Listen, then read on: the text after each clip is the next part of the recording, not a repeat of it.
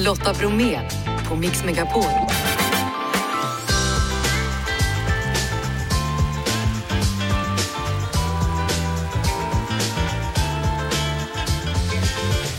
Hallå där och varmt välkommen! Kul att du har hittat den nya sändningstiden, alltså efter 16. Tre timmar ligger framför oss. Självklart är de färgade av gårdagens besked om Tina Turners död. Vi talar om hennes plats i musikhistorien och hennes betydelse för andra artister tillsammans med Nanne Grönvall och Andres Lokko. Och efter 18 så blir det en hel timme Tina Turner. Innan dess, Hanna Hedlund gästar oss efter 17. Vi talar hårmode och strax så blir det Takida och stiftelsen på en och samma gång. Nu kör vi! Varmt välkommen, kul att du lyssnar. Robert Pettersson, Takida och stiftelsen, välkommen. Tack. Hur mår du? Jag mår jättebra. Hur skönt känns det att säga det? Jo men det känns alltid skönt att säga det. Speciellt när man menar det. ja, nu ska det bli jätteturné här i sommar. Mm. Då ska Takida och stiftelsen turnera tillsammans. Ja, stort och intensivt. Fler speldatum nu än någonsin. När folk frågar dig, är Takida och stiftelsen samma band? Vad brukar du svara? ja, brukar jag svara. Eh, ja, jag brukar väl inte hålla på alldeles för länge och hålla på det utan jag säger att det är jag som är med i bägge banden och that's it. Men eh, turnén heter ju så, så att nu, nu, nu har jag ju avslöjat att det inte är samma band. Så att, den heter ju är Stiftelsen och Takida samma band. Så att, eh, eh, det kanske var editerat det jag sa nu. Nej men vet du vad jag tror? Jag tror folk kommer komma ändå faktiskt, även om de har svaret. Ja, hoppas det. ja, det tror jag. Hur, hur, laddar du inför en turné? Hur tänker du? Jag försöker väl att förbereda mig så gott jag kan. Jag är ganska dålig på det, tyvärr. Men, men eh, jag försöker att eh, röra på mig lite mer än vad jag brukar, vilket är typ ingenting. Så det kommer bli lätt att fixa. Annars är det ju rep, inlyssning, det är texter, det är eh, lite runt omkring. Jag gillar att kolla lite merch också, vara med på den biten. Eh, ja, lite sådana olika saker så att man bara kan njuta av det sen helt enkelt. Takida är ju väldigt älskad av Mix Megapols lyssnare då. Varför tror du? Vad är det som går hem? Det var häftigt. Um, jag, jag vet alltså de här lugna låtarna har väl gjort liksom eh, satt sitt avtryck som jag förstår. Alltså balladernas tid som det ändå var. Sen kommer nog det tillbaka tror jag, balladernas tid. Sen är det ju kul när man får en upptempo-låt som fungerar som eh, bättre framförallt sådär. Eh, varför? Eh, enkla svaret är att det är enkelt. Det är väl så det är. Jag tror att alla kan eh, antingen sjunga eller spela en, en Takida-låt. Det är väl vad jag skulle säga. Eh, motsvarande då, stiftelsen? Ja, det är väl lite samma sak där. Det är mer variation med, med stiftelsen. Vi har ju liksom inte hittat någon genre och vi har inte letat heller. Vi, vi kommer inte göra det utan vi spelar allt vi vill göra. Så mm. att, eh, enkla, enkla texter skulle jag säga. Det är liksom inget eh, speciellt alls med det. Så kan du ju inte säga. det är klart att det är speciellt. Ja men det är väl speciellt för att det är För att så, det inte är speciellt. Exakt, bra där. Ja. Det tycker jag var bra sagt. Ja. Nej men det, det är liksom, vi, vi, vi, har, vi har kul och jag tror det hörs både på skiva och live. Vi är norrlingar som eh, gillar att hänga, spela lite musik och, och, äta mat. Och det tror jag kommer fram i texten också. Men igen då, det här med att, att stå på scen, hur kul ska det bli? Det här ska faktiskt bli skit jäkla roligt. Det här har jag sett fram emot länge och det är så kul man ser de andra killarna i banden också är så taggade. Så det blir bästa sommaren på, på länge. Det, det är jag helt övertygad om. Och sen ska det tydligen bli kalasväder. Ja, det är ny 94 sommar eller? Ja, eller 94 98. Varje gång det är fotbolls-VM så är det ju ganska bra. ja, det är för damerna i sommar. Mm, ja, så, så, då stämmer det ju. Ja, det stämmer ju. Mm. Du, mm. Robert Pettersson, Takida och stiftelsen. Alltid ett nöje att samtala med dig. Ja, men detsamma. Stort tack. Tack ska du ha.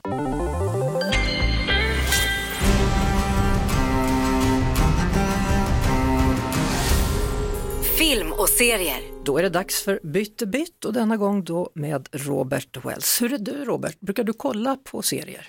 Ja, det blir det och oftast ganska sent sådär kvällen i en början på natten. Det är då man hinner kolla. Jag kollar aldrig tv egentligen när saker sänds, men jag tycker det är kul, framförallt om du är på turné och så kan du inte sova. Och jag är ingen som plöjer huvudet i en bar liksom och, och försöker bli trött där, utan då har jag hellre på en, en schysst serie och det delar jag även med min fru Maria. Mm. Men, men hur funkar det då? Ser du alla avsnitt på en gång, alltså binge-tittar eller? Nej, max två. Max 2? Max 2, den, sen, sen jag. Då somnar du? Sen somnade jag. Nej, men jag tycker, jag vill gärna veta att serien går att få tag på alla avsnitt så att jag kan välja. Jag är ingen som orkar vänta en vecka Nej. på några avsnitt. Jag tänker att jag börjar med att rekommendera till dig då Ted Lasso, har du sett den serien? Nej, Nej.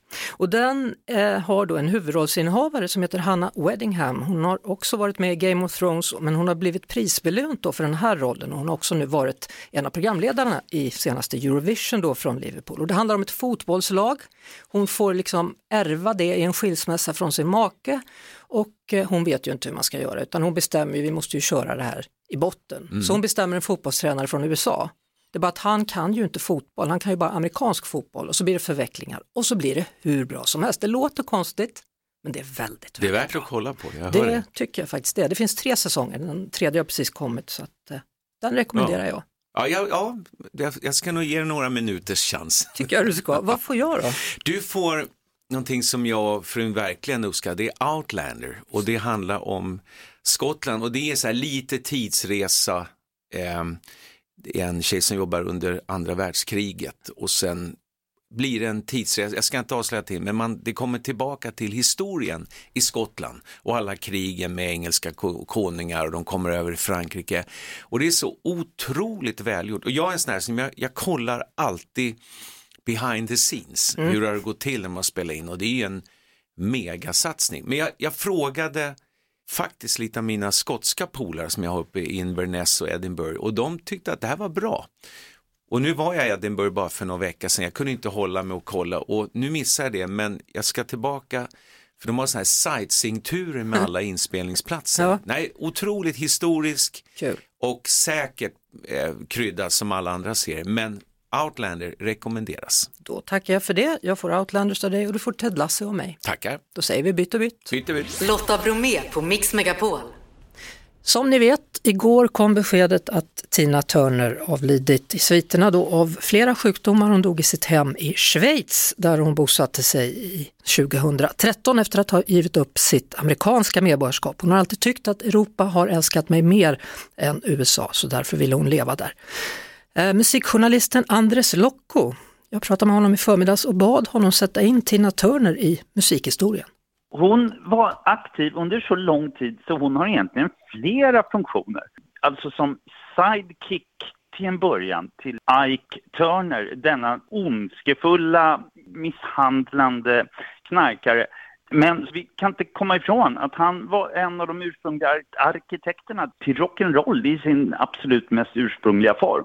Och det de gjorde tillsammans var ju del 1, Del 2, är deras och hennes samarbete med Phil Spector där de tillsammans gjorde liksom River Deep Mountain High 1966 som var piken på det Phil Spector gjorde och är ju en Wagnersk popsymfoni på tre och en halv minut. Men historien man liksom kan om Tina Turner är ju hur hon faktiskt flyr från sin ondskefulla man och sakta men säkert bygger upp en ny karriär så är det ju som överlevaren från detta hemska och även överlevare av 50-talet, av 60-talet, av hela 70-talet, 80-talet. Tekniken tillät också konserter att bli större och större och ingenting passade en röst och ett utseende och en scenpersona som Tina Turner bättre än arenarocken. Hon var ju en pionjär för det vi ser idag på Friends Arena eller på Stadion eller på Ullevi. Så var ju hon en försökskanin och en perfekt sådan. Vad skulle du säga om hennes betydelse för andra artister? Jag tänker till exempel på Taylor Swift eller kanske ännu mer då Beyoncé. Alltså, Tina Turner, ursprungligen urfattig, svart kvinna från de amerikanska sydstaterna som mot alla odds blir en världsstjärna flera gånger om och till slut frigjord från Ike Turner blir ännu större och hur hon liksom dompterar scenen och bara utstrålar revansch och female empowerment. Det är ju själva fundamentet för moderna svarta, i synnerhet svarta kvinnliga artister, så är det ju både själva fundamentet och det man mäter sig emot. i synnerhet någon som Beyoncé som har tagit över stafettpinnen för att vara det outtröttliga kraftpaket. Mm. Tina Turners livshistoria var ju kantad av tragik, inte bara perioden då med Ike Turner utan även när hon var liten och blev lämnad av sin mamma eh, när hon bara var 11 år gammal och sen fick hon aldrig sin mammas kärlek har hon beskrivit det som då. Och eh, sen de senaste åren också kantad då av mycket sjukdom och hennes två söner dog, den ena av ja. självmord. Men hon har ändå alltid kämpat på på något sätt, håller du med mig? Ja, alltså verkligen. Hon tog på sig rollen som hårdhudade överlevaren, alltså både offentligt och uppenbarligen av, av livsnödvändighet även privat. Det har ju onekligen påverkat den artisten vi har sett på scenen. Det är inte konstigt att producenterna till Mad Max-filmerna ber just Tina Turner att bära gladiatordräkt från framtiden för att framföra We don't need another hero, vilket är precis det hon är. Stort tack Andres Locco. Ja, det var så oerhört lite. Nu säger jag varmt välkommen till Nanne Grönvall. Tack så mycket. Vad var din spontana reaktion igår när nyheten kom om Tina Turners död? Jag blev jätteledsen. Eh, jag blir nu också när jag pratar om det, det är eh, hon har ju funnits med när man var liten, alltid varit en stor inspirationskälla, eh, både alltså musikmässigt, artistiskt, men också som människa, alltså det, den styrka eh, och eh, den ja, den starka personligheten hon också hade. Hon hade ju ett, som vi pratade om tidigare med Andres Locko, ett ganska tragiskt liv. Hon blev en gång i ja. tiden också, apropå filmmusik som vi nyss hörde, mm. erbjuden huvudrollen i Purpurfärgen men hon tackade nej för den låg för nära hennes egna historia har hon sagt. Så istället blev det Oprah Winfrey då som spelade henne. Men hon, hon föddes ah. ju alltså, i ett ja. fattigt hem och blev övergiven dessutom. Ja, precis. Eh, nej, hela hennes liv var ju kantat väldigt mycket utav eh, av mycket sorg och smärta och ehm, eh, jag tror att det är därför också så många tar till sig också hennes, just den här personligheten, det här när hon eh, tog ut skilsmässan från Aiko och eh, sa det att jag, jag skiter i allt vad det gäller övriga pengarna eller allting, det enda jag vill behålla är mitt namn, efternamn Turner, Tina Turner.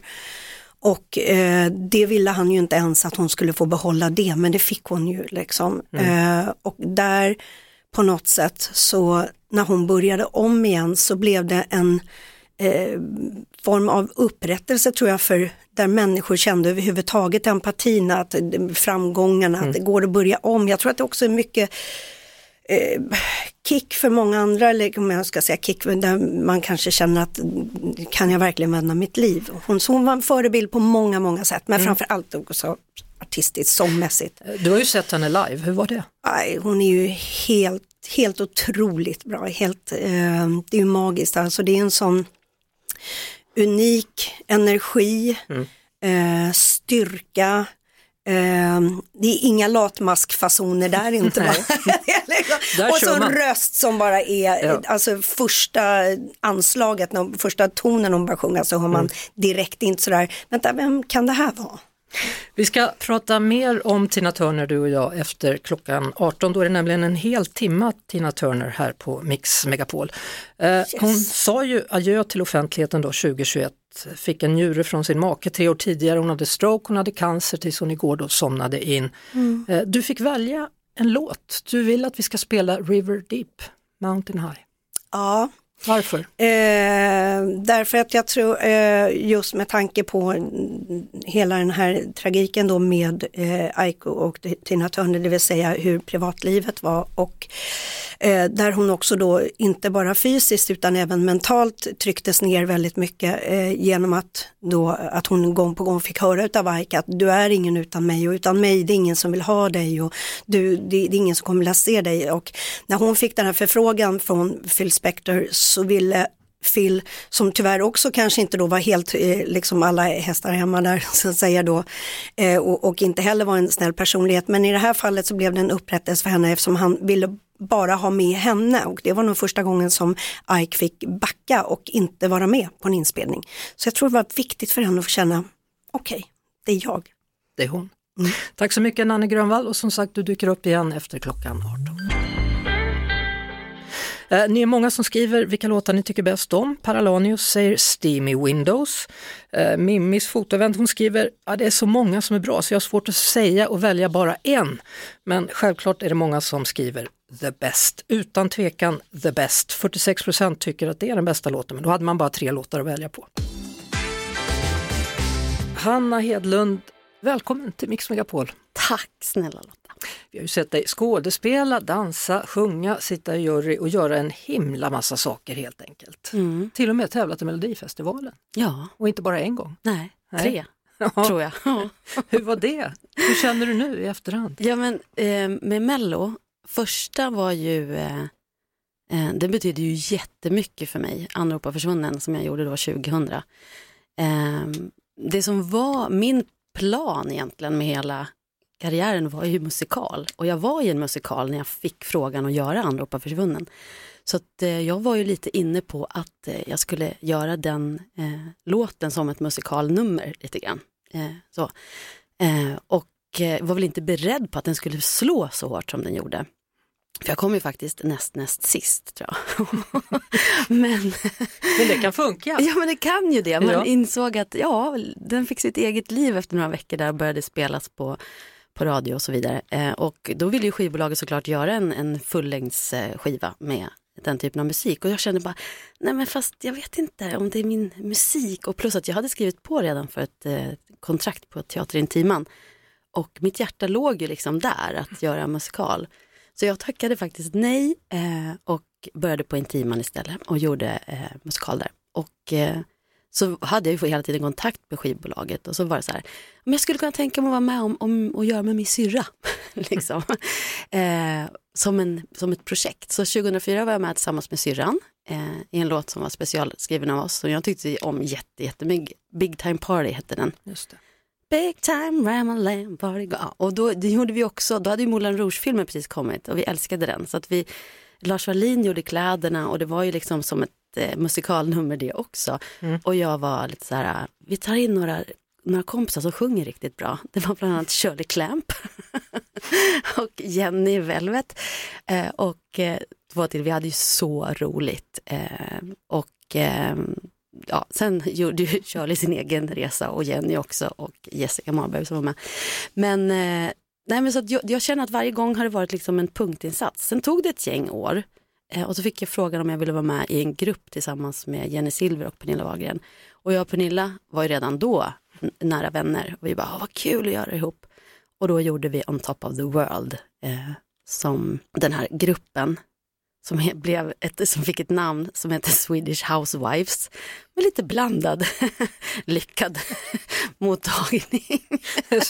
motsatsen till Swedish House Mafia, Swedish Housewives. Ja, det var också det att det, det, det, de hade precis slagit lite så här, alltså Swedish House Mafia tyckte gud vad roligt om vi heter Swedish Housewives bara för, som en knasig grej. Eh, men det var ju vissa som trodde att vi så menade allvar för varken jag eller Pernilla hade kanske gjort så mycket humor då så att folk förväntade sig inte att, att vi kunde vara roliga utan de trodde liksom lite så att vi gjorde det på riktigt, försökte rida på Swedish House Mafia-vågen.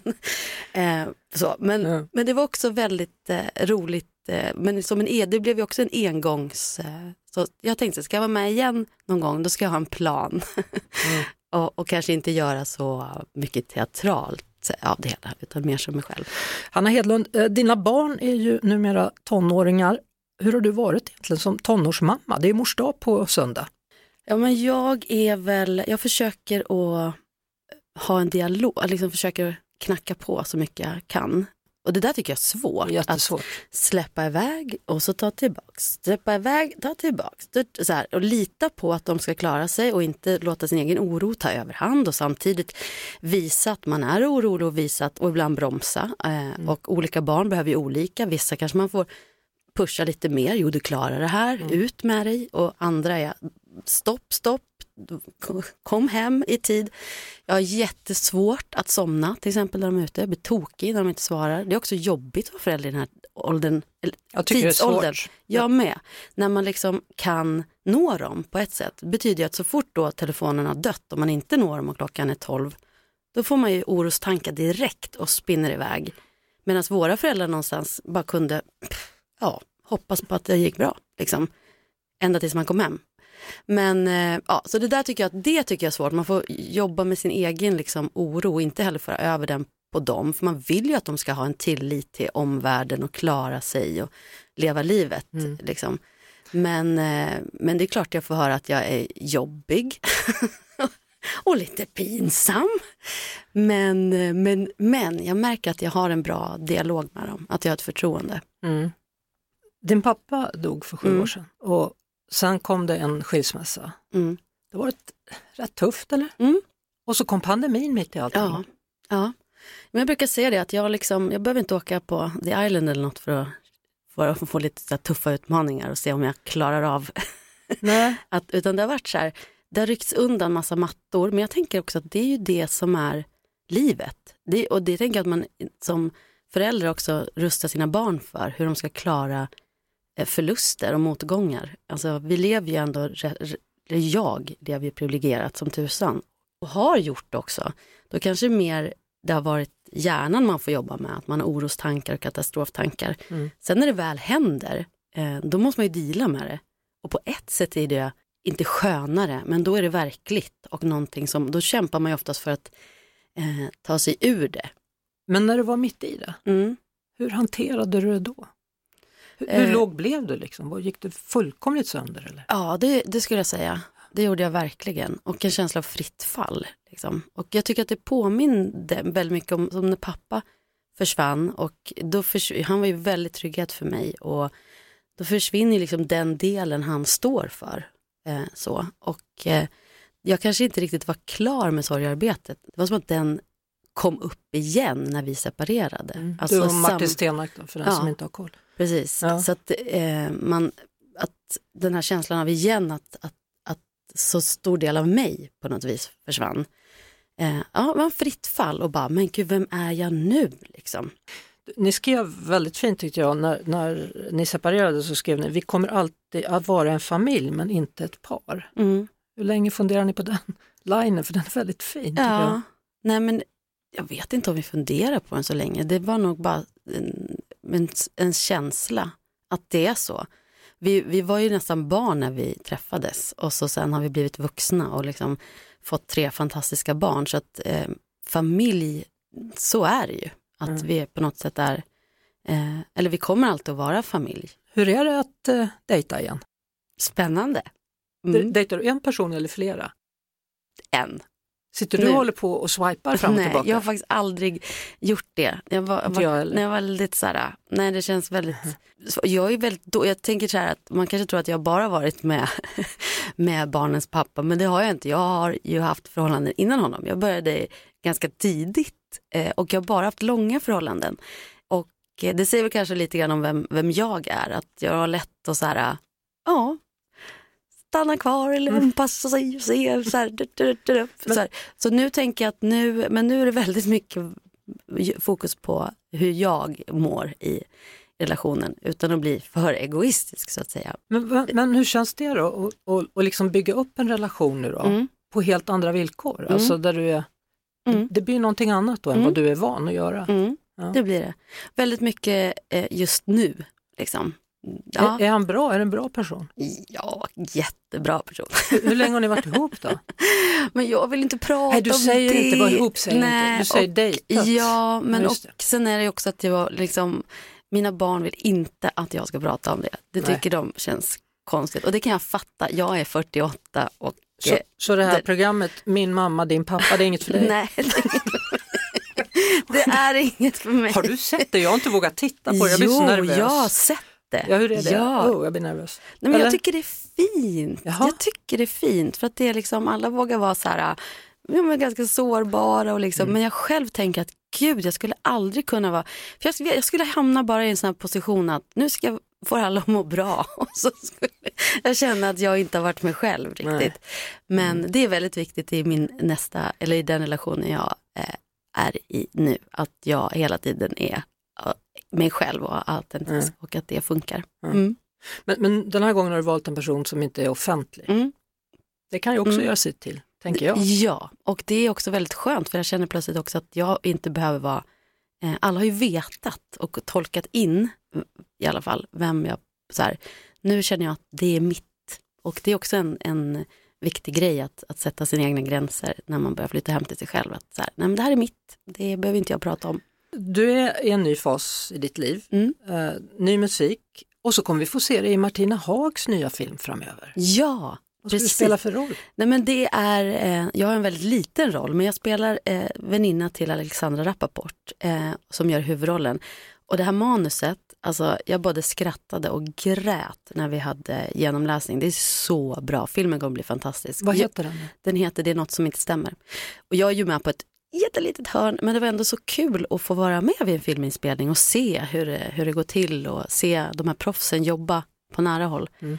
Eh, var väldigt imponerad av Alexandra. Alltså. Det var, äh, det, jag tror den kommer att bli su- super, super, super bra. Mm. Mm. Förutom den då så småningom så repar du inför Diggiloo. Jajamän, Det är jubileum. mm, 20-årsjubileum. Ja. Det ska bli så himla roligt. Alltså jag tror att du kommer få en fantastisk sommar. Ja men jag är helt Ja, övertygad om Jag det önskar också. dig en fantastisk sådan då. Tack Och lycka Lotta. till med Diggiloo, det blir kul. Ja. Och tack för att du kom hit. Tack Kul för att jag fick samtal. komma. Lotta Bromé och den perfekta mixen på Mix Megapol.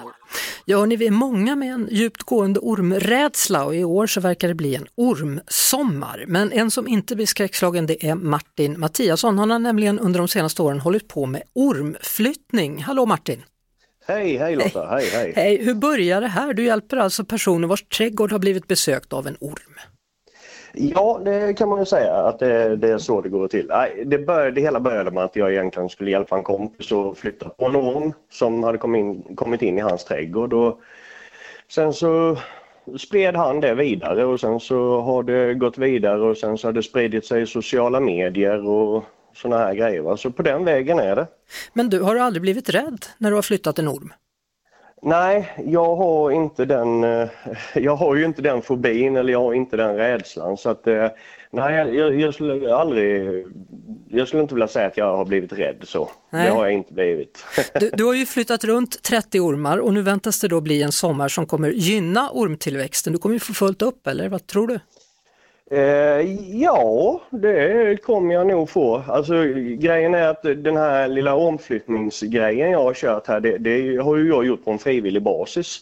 Eh, så att jag har ju fått ge mig iväg när folk har ringt och eh, så har jag liksom fått ta det därifrån om man säger va. Eh, I och med att man har jobb och familj och såna här grejer med så försöker jag så gott jag kan i alla fall. Men jag tror nog det kan bli några samtal. Det blir det alltid varje år. Det Ja. blir alltid några samtal och några mejl och sådär. Du får väl eh, starta en enskild firma, Ormflyttaren AB. ja, precis. Man vet inte.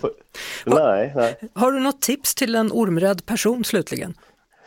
Eh, ja, tipset är väl i så fall, ser man en orm någonstans på tomten eller någonting så låt den vara. Liksom, har man djur eller barn ute, ta in dem då. Alltså ormen kommer röra sig vidare, den är inte bofast så den kommer inte stanna kvar där. Utan den, den kommer röra sig vidare, förr eller senare. Förr eller senare låter ju, låter ju betryggande, Martin. Ja, nej men, det, nej, men det, den kommer röra sig vidare, det kommer den absolut göra. Om inte annat så sparka lite hårt i marken eller trampa lite hårt i marken. De, Då drar de. ja, de tycker inte om det där Nej. riktigt. Stort tack Martin Frid för tipsen. Absolut, tack själv. Ha en fin sommar. Hej då! Detsamma, hej hej. Lotta Bromé på Mix Megapol. Välkommen hit Nathalie Akkun, Creative Director på Creative Heads. Tack snälla! Du, vad är det för hårtrender som vi ser för tjejer i sommar? Väldigt mycket volym. En het trend just nu är ju butterfly-klippningen. Väldigt mycket uppklippt, lager på lager. Tänk dig allt det gamla blir nytt igen. Så var är vi då rent tidsmässigt? Är vi i början på 80-talet känns Ja, det som? tänk dig mellan 70-90 så någonstans däremellan. Mm. Då var jag inte helt fel Nej, med 80-talet. Där. Spika den. Ja. Lugg inne. Du är inne Lotta. Mm. Men den har jag aldrig tagit bort så att det, jag har varit både ute och inne kan man säga. Eh, killar då, hur är det för dem? Även där, fokus på luggen. mer skarpa benor. Eh, nu ska man inte ha så här jättekort utan få ut längderna lite mer. Embracea ditt egna. Där behöver man ju inte lägga lika mycket krut på volym och stylar utan med så här, dra i någon saltvattenspray, någon kräm, krama upp det and you're ready to go. Medan Ja. tjejer, där får vi lägga lite mer krut, jobba med textur, volym. Eh, självfall då pratar man ofta om. Har alla människor självfall? Vissa har ju väldigt rakt, speciellt vi skandinavier. Men drar man i någon så här Levin-spray eller någonting så kommer man definitivt kunna få upp lite mer bums i håret. Hur ofta tycker du att man ska tvätta håret? Min rekommendation är mellan en till två gånger i veckan, inte mer. Nej, och det är jätteintressant för många tror att man ska tvätta det mycket oftare. Största boven är ju vattnet. Så att jag brukar säga så här, dra ut på det så länge som du kan. Jag tvättar ju håret bara en gång i veckan. Låter äckligt, men kör lite torrschampo. Funkar galant. Finns det någon sån där quick fix som om man har en, en bad hair day och inte vill sätta på sig en mössa, hur kan man göra då? Jag brukar rekommendera, är det riktigt smutsigt, sätt upp det i en snygg stram hästsvans. Eh, Är det någorlunda fräscht, ha en half bun. Så att du har hälften utsläppt, hälften uppsatt. Nu, vilka produkter man egentligen ska ha hemma för att kunna klara sig. Du visade på papiljonterna för en stund sedan. Vad har du med dig mer som man behöver ha hemma? Ja, men jag tror att de flesta har sett den här trenden när man virrar runt håret med en strumpa. Det här är då den finare version. Så den sätter man på huvudet och så drar man igenom håret och bara virrar runt det. Så det här kallas för heatless curls. Sen går man och lägger sig med den här Lotta. Sådär ja. Man är supertjusig till sängs. ja du. Men det där behöver man ju ha lite, som du, längd för att kunna göra det där. Ja, annars finns ju ett annat knep. Att man bara snurrar upp det i en liten bulle. Men ska det vara vått när man går och lägger sig då? Jag skulle nog säga inte helt dyngsurt utan kanske lite handdukstorkat. Sen när, i och med att sommaren kommer då så är det inte bara vattnet som kan slita på vårt hår utan också solskydd. Solen ligger ju mitt på huvudet så att man bränner ju inte bara håret utan även skalpen. Jag rekommenderar alltid produkter med UV-skydd. Finns det i sprayform och krämform. Eh, Rekommendationen är att ha i det när det är fuktigt men även när det är torrt. Det här med papiljonterna, varför kommer det? Har det att göra med just volymen som du sa är inne? Ja. Pamela Anderson kom ut med en dokumentär nyligen. Eh, hon är ju hetare än någonsin just nu. Alla minns ju Pamis volym. Så att där kommer papiljonterna in. Lite smidigare, lite enklare. Har man en värmeborste, om man nu inte har tiden, så funkar den superbra. Så är den bättre än locktången tycker du? Jag tror att locktång är lite svårare för vissa att använda, den här är lite enklare. Är det någon speciell färg som är inne? Vi har ju länge haft det kalla, svala, blonda. Nu är det ju mer tvärtom. Nu ska det vara gräddigt, lite mer honungsfärgat. Jaha. Även brunetter ska vara väldigt varma i tonen. Embracea värmen just nu. Jag har många hårstrån men de är tunna, tunna, tunna, tunna och då sitter du där med, Tada! Rooties. Ja, vad är det nu då? Mycket volym Lotta. Den här ska jag lämna kvar till dig. oj då. Du får stort, volymigt, nästan så att det känns som att du har tuperat håret fast Oj. du inte har gjort det. Så smidigt och enkelt. Spraya på, krama upp, lämna i. Och saltvattenspray, kan det också funka? Ja, saltvattenspray är ju hetare än någonsin. Mm. Rekommendationen då är att ha i dig fuktigt till att börja med så att du jobbar upp texturen och sen kan du bättra på när det är torrt. Klämmorna har du med dig där också? Vad- De är ju superpopulära just nu Ja. i alla olika färger. Så sätt upp håret, sätt upp det halvt. Men, men är det det trixet du har vad gäller en håruppsättning? Något enkelt, för nu kommer Ja. det ju bröllop, det kommer skolavslutningar, det kommer Det är olika ju grejer. väldigt inne att ha hela håret uppsatt. Så jag skulle säga så här, våga sätta upp hela håret. Jobba med din bena. Den lilla justeringen gör att det blir en wow-känsla. Smidigt, enkelt, tar inte mer än fem minuter. Oerhört bra tips. Nathalie Akkun som alltså är Creative Director på Creative Heads. Tack för att du kom. Tack Lotta! Lotta Bromé på Mix Megapol. Varmt välkommen tillbaka till oss här på Mix Megapol då. Nu kommer det att handla om Tina Turner. Mix Megapol hyllar Tina Turner. Tack för musiken. Konstigt det va? För bara några dagar sedan så berättade jag ju om intervjun som jag tackade nej till. Ung och dum tänkte jag att Tina Turner, vad hade hon att berätta? Självklart så borde jag ha vetat bättre. Igår kväll kom så beskedet, Tina Turner har lämnat oss efter en längre tids sjukdom. Och nu har hon gått från att vara en levande legendar till legend. Tina Turner blev 83 år. Välkommen till Mix Megapol. Den här timman är hennes, en hel timme Tina Turner. Och hon var ju en mästarinna på att stå på konsertscen. Mix Megapol hyllar Tina Turner. Drottningen av rock'n'roll, det var ju den hon blev. Men hon var ju så mycket mer än så. Varje låt som hon tog sig an gjorde hon till sin egen. Både sina egna eller andras. Hon färgade det hon sjöng med sina erfarenheter som inte var de enklaste. Och hon sjöng sitt liv, oavsett om låten var Private Dancer eller Proud Mary. Tina Turner har ju på något sätt alltid funnits med. När jag var liten så spelade mamma och pappa allt som oftast dubbel-LP med Ike och Tina Turner med The Ikeettes som körade. Tina Turner föddes som Anna May Bullock i ett litet samhälle i Tennessee, Nutbush. 11 år gammal så blev hon och hennes syster övergivna av mamman som flyttade till en större stad. Som tur var fanns mormor. Men de minnen som Tina Turner bar med sig från barndomen var framförallt en pappa som misshandlade mamman och en mamma som inte tyckte om henne. I sin självbiografi beskriver hon hur hon och mamman så småningom förenades när Tina var en stjärna. Men trots alla pengar, gåvor i form av ett hus, upplevde hon aldrig att hennes mamma tyckte om henne. Mix Megapol hyllar Tina Turner. Du lyssnar på Mix Megapol och vi håller på med en timme Tina Turner. Och just den här låten då, Nanne Grönvall, Not Push City Limits, är en låt som har betytt massor för dig. Ja, Berätta. Eh, spelade den jättemycket redan som liten. Eh, dansade och sjöng i högan sky. eh, så eh, älskade hennes röst eh, och kommer ihåg också när jag såg någon, det var någon live med dem sen på tvn och jag var helt knockad av hennes energi. Den här unika energin ihop med hennes lika unika röst. Vilken roll har hon spelat för dig som förebild?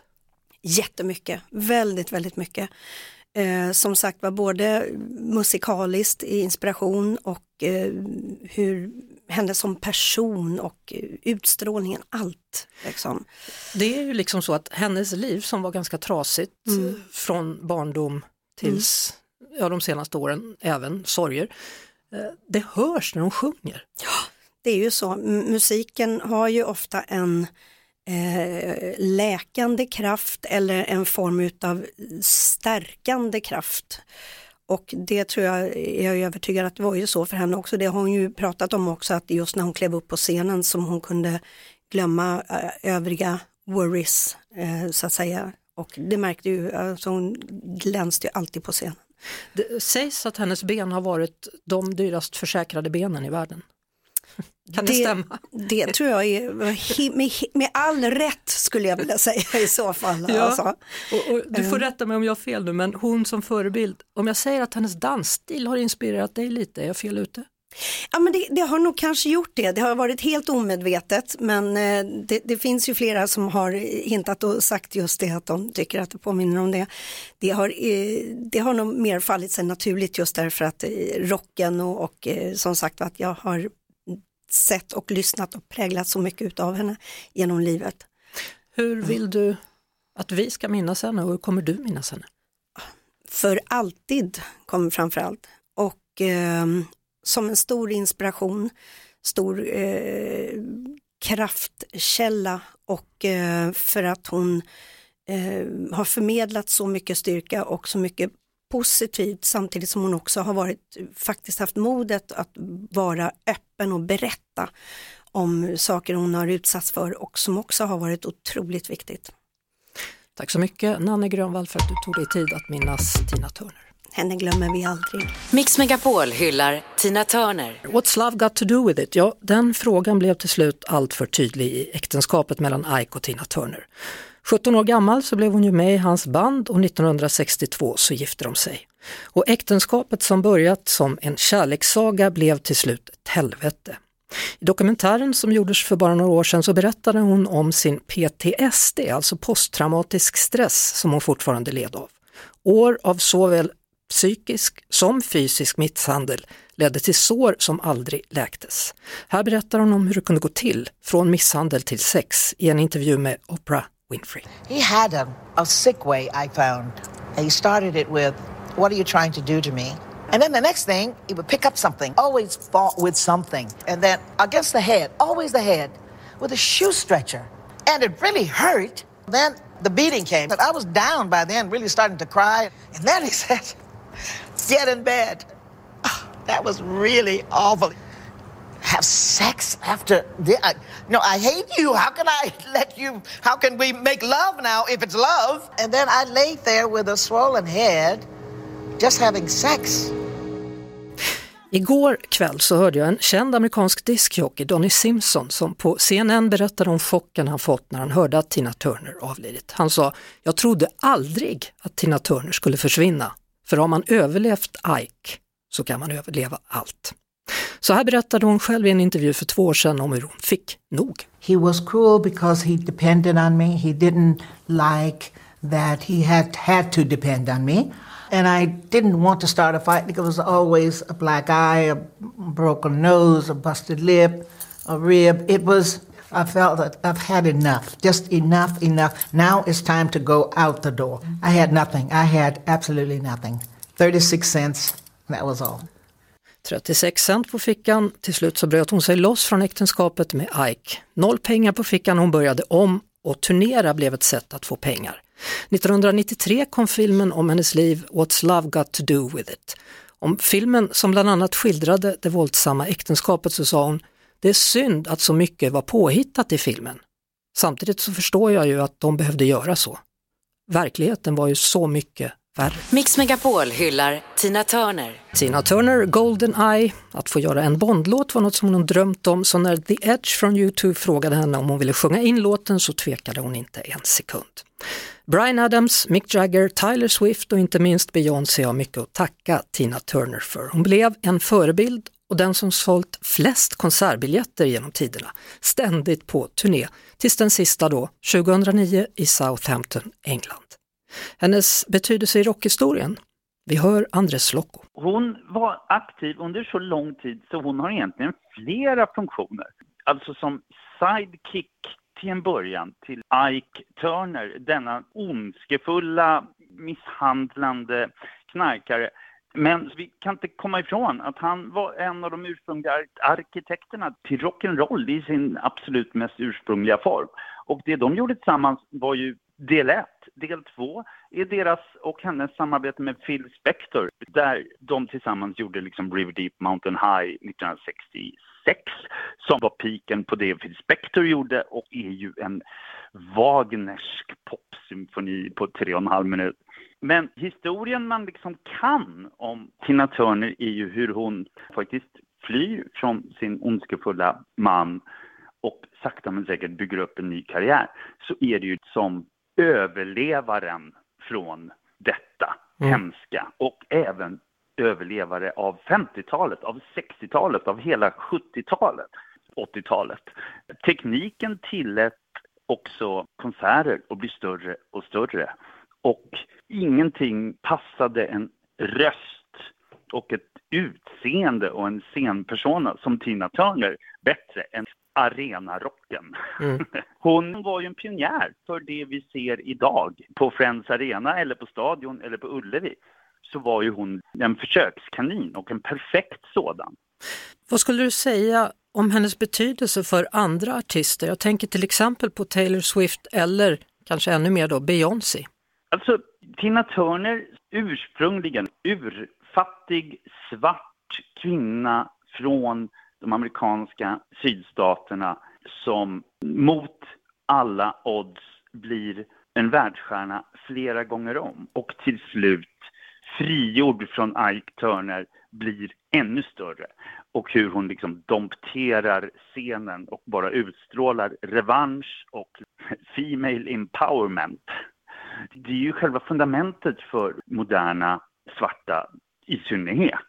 Svarta kvinnliga artister så är det ju både själva fundamentet och det man mäter sig emot.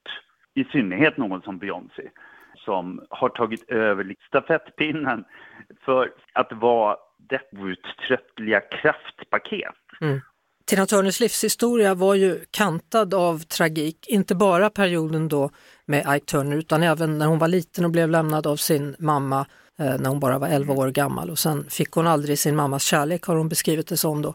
Och eh, sen de senaste åren också kantad då av mycket sjukdom och hennes två söner dog, den ena av Ja. självmord.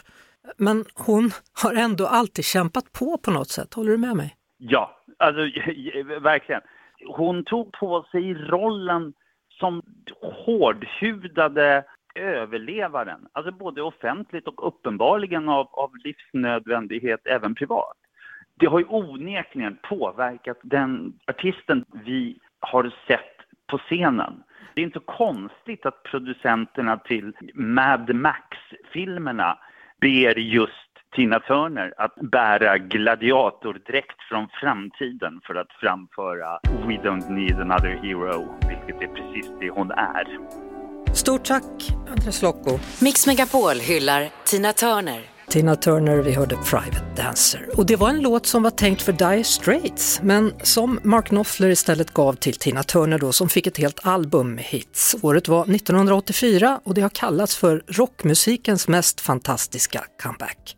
Över 20 miljoner sålde albumet Private Dancer och totalt så har hon sålt över 200 miljoner album och det lär bli fler. 1985 kom första stora soloturnén och sen så har turnéerna avlöst varandra. MTV var som störst och hon vann för bästa video vid fler än ett tillfälle på MTV Music Awards. Nominerad till 25 Grammys, tog hem åtta. Och självklart är hon invald i Rockens Hall of Fame och har en egen stjärna på Hollywoods Walk of Fame. Kärt barn har ju många namn, så heter det ju. Men oavsett om vi kallar henne rockdrottning, rockmormor eller Tina Turner så lämnar hon efter sig såväl musik som ett livsöde. Vem hon var privat? Ja, inte Tina Turner i alla fall. Så här beskriver hon det i ett SVT-klipp från 1994. I have never allowed Tina Turner to totally take over my life. I love being me too much. I love me more than I love the personification of uh, my career. Something beautiful remains, och jag citerar från låten Something beautiful remains for every light that fades. To your own heart, be true. Tina Turner, vila i frid. Poddtips från Podplay. I podden Något Kaiko garanterar östgötarna Brutti och jag, Davva, dig en stor dos skratt. Där följer jag pladask för köttätandet igen. Man är lite som en jävla vampyr. Man har fått lite blodsmak och då måste man ha mer. Udda spaningar, fängslande anekdoter och en och annan arg rant. Jag måste ha mitt kaffe på morgonen för annars är jag ingen trevlig människa. Då är du ingen trevlig människa, punkt. Något Kaiko, hör du på Podplay. Därför är gardinerna.